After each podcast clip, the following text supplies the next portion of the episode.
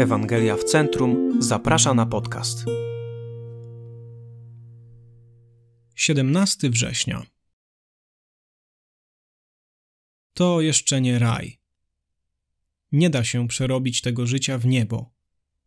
Raj dopiero nadchodzi, a ty masz w nim zagwarantowane miejsce przez krzyż Jezusa Chrystusa.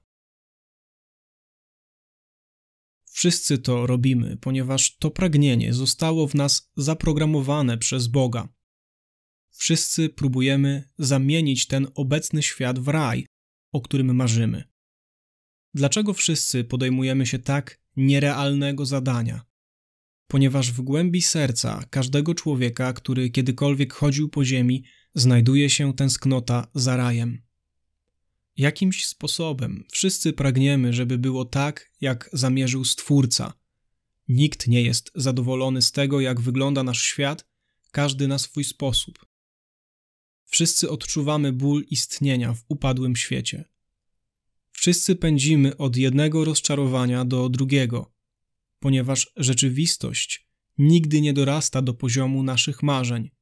Wszyscy stajemy przed rzeczami, które chcielibyśmy zmienić Wszyscy analizujemy i mamy nadzieję, że będzie lepiej. Każdy człowiek próbuje przemienić każdą swoją chwilę w raj, którym ona nigdy się nie stanie. Wobec tego wszyscy stale przechodzimy frustrację z powodu tych prób, zawsze kończących się niepowodzeniem. Płacz noworodka, który musi znosić ból, którego nie rozumie, to płacz za utraconym rajem. Łzy małego chłopca, wyśmianego przez kolegów na placu zabaw, to łzy tęsknoty za rajem. Gniew nastolatka, któremu ukradziono telefon, to tęsknota za rajem. Frustrację młodego pracownika, którego szef zawsze wydaje się niezadowolony, to też tęsknota za rajem. Smutek młodej kobiety tęskniącej za mężem, z którym jest w separacji, to płacz za rajem. Zrzędliwość starszego człowieka, którego ciało nie działa już tak jak kiedyś, to też wielka tęsknota za rajem. Wszyscy jęczymy i wołamy, a nasze zawodzenie to tęsknota za lepszym światem. Musimy jednak zdać sobie sprawę z jednej rzeczy. Bóg dla Twojego dobra i własnej chwały postanowił zatrzymać Cię na jakiś czas w tym upadłym świecie postanowił wykorzystać trudności tej rzeczywistości, by ukończyć dzieło, które w tobie zaczął.